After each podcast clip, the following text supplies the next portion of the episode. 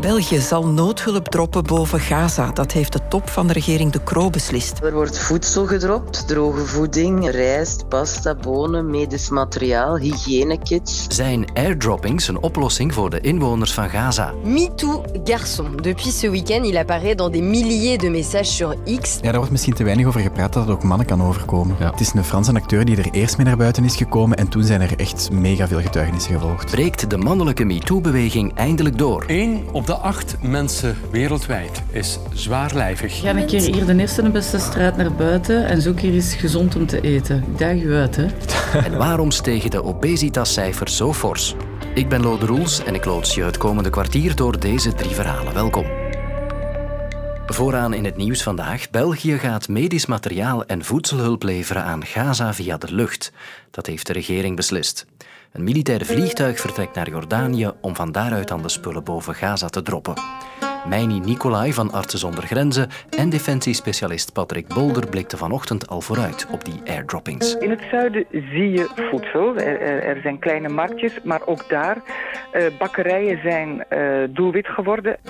De opbouw van de pallets waarop die goederen staan, dat moet op een speciale manier gebeuren. Bijvoorbeeld plastic waterflessen, dat dat wat ingewikkeld wordt. Die zouden uit elkaar kunnen spatten. Maar ook die pallets die zijn voorzien van, van een soort van kartonnen dozen die dan wel op het moment dat die pallet op de grond komt in elkaar klappen en zo de, de klap kunnen verminderen. Er moeten parachutes omheen, maar er moet ook een besturingssysteem bij komen om te zorgen dat die goederen ook precies op die plek komen. Maar je wil dat het komt, dus die parachute is ook bestuurbaar. In het noorden is de chaos alleen nog maar veel groter. Dus nu komen er voedseldroppings, target het noorden, want die hebben dus het hardste nodig. De voedselhulp is inderdaad dringend nodig. Dat bleek gisteren nog maar eens. Bij een voedselbedeling brak paniek uit. 112 Palestijnen kwamen om het leven. Deze man vertelt dat er mensen werden beschoten. Het Israëlische leger zou het vuur hebben geopend op Gazanen die voedsel kwamen ophalen. Volgens een Israëlische woordvoerder gebeurde dat om de massa uiteen te drijven. My understanding thus far is that uh, humanitarian aid vehicles were overwhelmed by uh, people attempting to essentially loot. Rudy Franks, oorlogsjournalist, welkom. Um, die airdroppings, hè, daar is nu veel over te doen. Wat is de impact daarvan? Haalt dat iets uit? Ik heb eens gekeken, er, zijn, er was voor 30 ton door Jordanië gedropt op donderdag. Ja, dat is enkele vrachtwagens. Hè. Dat is niet voldoende. Om de, de voorzitter van USA te citeren, die zegt dat het verwaarloosbaar is. Nu, dat is misschien wel heel scherp uitgedrukt, vergeleken met de hulp die normaal over de weg zou moeten gaan. Hè. Dus er zijn de voorbije week 50 trucks in het noorden, waar de situatie het meest penibel is geraakt. Uh, mensen eten daar dierenvoedsel en zo, dus eigenlijk hebben ze niks meer. Terwijl er in totaal voor heel Gaza zouden een, een 500-tal moeten binnengaan. Een druppel op een hete plaat dan eigenlijk. Ja, aan de ene kant symbolisch natuurlijk. En, en, de internationale gemeenschap die toont van wij willen toch iets doen. Maar aan de andere kant is het ook een bewijs van onmacht. Hè. Als er 450 trucks op dit ogenblik klaarstaan om aan de Israëli's grensovergang Keren Shalom over te gaan. En die mogen niet binnen. Ja, doe gewoon de grens open. Hè. The court considers that hoe past dit in die uitspraak van het internationaal gerechtshof over het feit dat Israël humanitaire hulp moest toelaten? Wel, het, er is kritiek gekomen op het feit dat ze dat niet hebben toegepast. In de maand februari is de hulp die toegelaten is nog eens gehalveerd of tot een derde gevallen van wat in januari is binnengekomen. Dus na de uitspraak van het gerechtshof is er nog minder hulp binnengekomen. En deze, deze hulp is eigenlijk een beetje een, een pleister op een houten been dat, dat internationale gemeenschap dan legt. In plaats van, ja, eigenlijk zouden ze kunnen druk uitoefenen op Israël om te zeggen er moeten gewoon meer trucks over de weg, want die zijn er. En dan is het georganiseerd. Wat ik mij ook afvraag, hoe gaat dat in zijn werk gaan? Je dropt, dat zijn dat wel voorziene plaatsen waar dat gedropt wordt, allicht, maar nooit zo nauwgezet als dat met vrachtwagens gebeurt, wat je, wat je kan organiseren en uitdelen. Dus ik, ik vind het een beetje een een vreemde situatie dat op die manier moet gebeuren in dit conflict. Ja. Weten we hoe dat in andere conflicten zat? Hebben airdroppings toen iets uitgehaald? Airdroppings zijn puur historisch de eerste keer in 73 geweest in, in de westelijke Sahel, maar dat was hongersnood. Hoe raak je daar? We hebben het ook in Somalië gekend. Je merkt dat in de loop der, der decennia, nu de laatste decennia, airdrops toegepast worden en zinvol zijn op plaatsen waar je niet geraakt. Ik denk aan de Jezidi die vastzaten op de Sinjarberg in 2014 met uitmoording en uithongering bedreigt. Daar kon de internationale gemeenschap niet aan, want IS had die, waren die aan het belegeren. Maar in dit geval gaat het over internationale akkoorden, het respecteren van het oorlogsrecht, het toelaten van vrachtwagens die klaarstaan, dat is anders. In een acute oorlogssituatie waar je er niet geraakt, is dat natuurlijk wel... Ja, dan is dat levensreddend, zeg maar. Ja. Wat NGO's zeggen, is eigenlijk wat de consensus is, is dat die airdrops is zo het middle of last resort. Dat is het, het allerlaatste wat je nog kan doen om toch te voorkomen dat daar een immense tragedie plaatsvindt. Als je weet dat de Wereldvoedselorganisatie pas een rapport heeft uitgebracht dat 500.000 mensen eigenlijk op de rand van de hongersnood staan en dat een zesde van de kinderen onder voet is, ja, dan zijn die airdrops de last resort, de laatste druppel.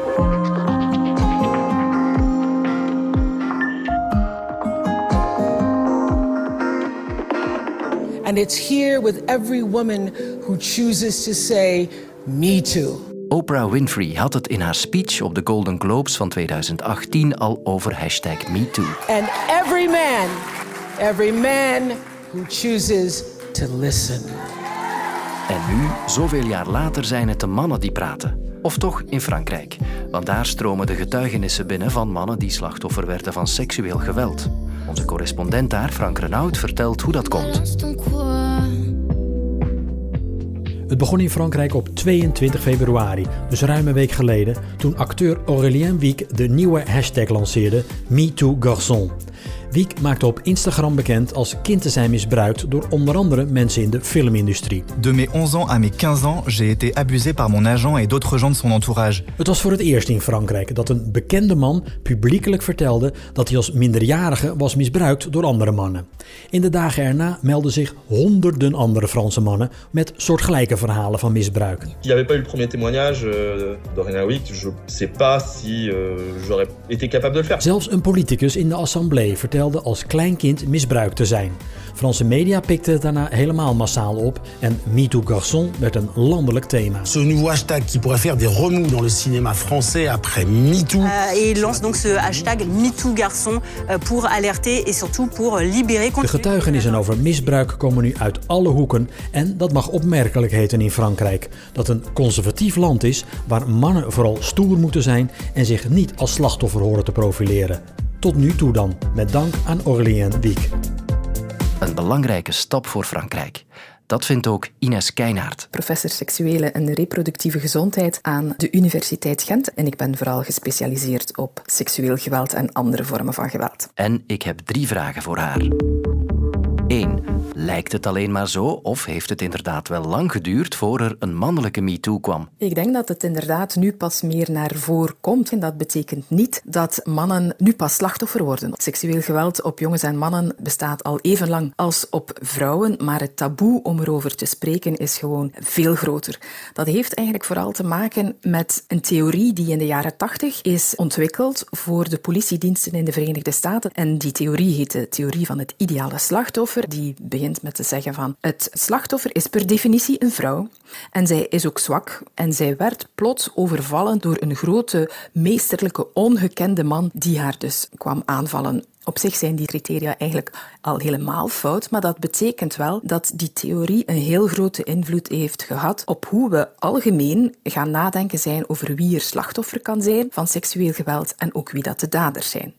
Dus het is al voor heel veel mannen moeilijk om, als zij ook met dat beeld leven, dat is ook wat we heel vaak in de film zien, wat we in de kranten lezen, dus dat mannen ook ervan uitgaan van, ja, maar ik kan geen slachtoffer worden, want ik ben toch geen jong meisje die plots is overvallen door iemand die uit de bosjes is gesprongen. Bovendien zien we dat er bij jongens en mannen ook vaak biologische reacties optreden die ze eigenlijk niet goed kunnen plaatsen. Het is bijvoorbeeld niet abnormaal als een jongen of een man verkracht wordt dat hij een erectie krijgt, dat hij zelfs kan klaarkomen. En heel veel jongens en mannen denken dan, wil dat eigenlijk zeggen dat ik dit fijn vond? Dat kan voor heel veel verwarring zorgen, maar ook voor heel veel schaamte. Dus ze hebben nog veel meer dan meisjes en vrouwen een grote schaamte die hen eigenlijk vaak belemmert om zorg te durven zoeken. 2. Waar loopt het mis als mannen toch naar buiten komen met hun verhaal?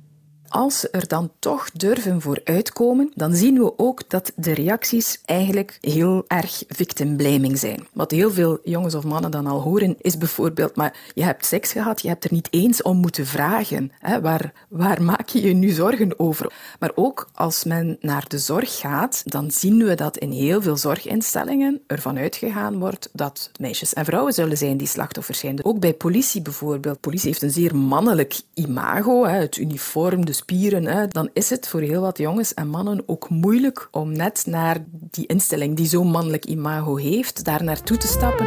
En drie, gaat MeToo Garçon het tij kunnen keren? Ik hoop hè, dat het mee verandering kan uh, brengen voor heel wat jongens en mannen. Bijvoorbeeld in met de reportage van God vergeten hebben we dat ook gezien. Hè. We moeten ook begrijpen, onderzoek heeft dat voldoende aangetoond, dat iemand die slachtoffer is geweest en niet de juiste zorg krijgt en ook niet de juiste ondersteuning vanuit zijn uh, sociaal netwerk, dat de kans groter is dat die persoon ook op een dag pleger wordt. Dus vanuit preventie alleen al is het ook nodig dat we daar het taboe van seksueel geweld op jongens en mannen gaan opheffen. En als je trouwens zelf met vragen zit over misbruik of seksueel geweld, kan je terecht bij de hulplijn 1712.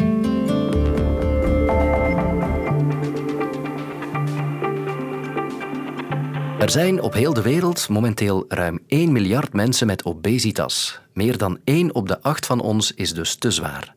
Dat blijkt uit een grote studie van de Wereldgezondheidsorganisatie. Het aantal volwassenen met obesitas is in 30 jaar tijd zelfs meer dan verdubbeld. Het rapport was te lang om in een kwartiertje tijd door te nemen, maar Wim de Mazeneer van onze wetenschapsredactie heeft het wel gelezen. Eerst even dit. We spreken van obesitas als je een BMI hebt van 30 of meer. Wereldwijd viel 12% van de bevolking in 2022 in die categorie. Dat is meer dan een verdubbeling tegenover 1990. En als je de opdeling per geslacht maakt, dan zie je dat het percentage zwaarlijvige mannen bijna verdrievoudigd is in 30 jaar tijd. In België liggen de cijfers voor obesitas hoog hoger dan het wereldwijde gemiddelde. 1 op de 5 volwassen Belgen kampt nu met obesitas. Bij kinderen en tieners tot 19 jaar zijn de cijfers zelfs nog sterker gestegen, vooral bij de jongens dan. Zo'n 8% van de Belgische jongens was in 2022 obese en ook dat is een verdubbeling tegenover 1990. Alarmerende cijfers zijn dat. En vooral hoe konden die cijfers zo fors stijgen? Goedemiddag. Ik vond een expert daarover. Ik ben Inge Gies, ik ben uh, kinderarts en uh, diensthoofd van de pediatrie in het UZ Brussel. En ik ben ook verantwoordelijke voor de obesitaskliniek bij kinderen in het UZ Brussel. We weten dat globaal de toename van overgewicht en obesitas vooral te wijten is aan twee grote zaken. Enerzijds is dat onze levensstijl. Het feit dat we ja, toch wel minder gezond eten, dat we meer frisdrank drinken, eh, maar anderzijds ook het feit dat we te weinig bewegen, dat we minder slapen en dat we te veel achter een scherm zitten of te veel schermtijd hebben in het algemeen. Dat zijn zaken die de levensstijl beïnvloeden en die um, op een negatieve manier ons gewicht gaan beïnvloeden.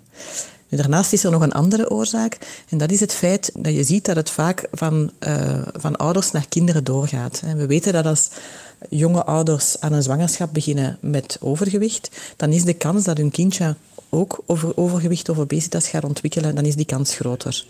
En dat maakt natuurlijk dat als er steeds meer volwassenen bijkomen met overgewicht en obesitas, dat ook er steeds meer kindjes gaan bijkomen met overgewicht en obesitas en dat we riskeren van een beetje in een vicieuze cirkel terecht te komen. Ja. Ik dacht dat we de afgelopen 30 jaar net veel bewuster en gezonder waren gaan leven. Dus ik had verwacht dat de cijfers net zouden gaan dalen. Wel, het is zeker zo dat er meer aandacht naar gaat en dat is heel goed. Maar het andere feit is dat we weten dat um, obesitas een chronische ziekte is. Hè. Dus eens dat je obesitas hebt, is het heel moeilijk om er vanaf te geraken en blijf je er langer mee zitten, waardoor je een opstapeling van cijfers van het aantal mensen met obesitas uiteindelijk krijgt. En het derde is dat we ja, toch wel lang gedacht hebben dat kinderen dat die er wel zouden uitgroeien. En dat er dan wel aandacht ging naar gezonde levensstijl of preventie van overgewicht of behandeling van overgewicht bij volwassenen. Maar dat men zoiets had van ja, aan die kinderen moeten we niet te veel aankomen. Uh, ja, dat is stigmatiserend. We, die, die zullen wel hun groeischeut nog krijgen en dan komt alles goed. En dat was een foute redenering. Dat weten we nu, dat we eigenlijk, zodra dat het probleem zich stelt, dat we dan onmiddellijk een behandeling best inzetten. Wat kunnen we dan doen om die cijfers toch te laten dalen, denkt u? Bij volwassenen is er eigenlijk nog heel veel te doen. Hè. Daar is nog geen terugbetaling voor diëtiek, voor psychologen, voor kinesist. Anderzijds weten we dat ook maatschappelijk er toch nog wel wat zaken zijn die kunnen aangepakt worden. De, het, het, begrip obesitas, de bewustzijn uh, rond obesitas, die zou toch nog wel wat beter kunnen zijn. Zodanig dat als je ziet dat je te veel bijkomt, dat je ook sneller naar een hulpverlener stapt. Ook bij hulpverleners zelf zien we dat er toch nog steeds een drempel is om obesitas te durven bespreken, zowel met volwassenen als met kinderen. Ook daar zijn nog campagnes en educatie nodig en, en handvaten nodig om dat te vergemakkelijken. En meer algemeen in onze samenleving zijn er een aantal zaken die toch ook nog kunnen verbeteren, zoals bijvoorbeeld reclame op ongezonde voeding. De prijs van ongezonde voeding is vaak nog goedkoper dan de prijs van gezonde voeding. En onze omgeving is niet altijd gemaakt om veilig te kunnen sporten buiten of om veilig te kunnen bewegen op een dagdagelijkse manier. Bijvoorbeeld de omgeving van scholen zou eigenlijk ook nog best wat veiliger kunnen gemaakt worden. Dingen om te onthouden dus in de strijd tegen overgewicht. Maandag hoor je een nieuwe aflevering van Het Kwartier. Tot dan. Ben je fan van podcasts zoals Waar is zuster Gabriel, Onder ons Politiek of Frank en Bilo? Kom dan op zaterdag 9 maart naar het live podcast-event van VRT Max in Lamot in Mechelen. En ontdek er deze en vele andere podcasts. Tickets en info op VRT Max.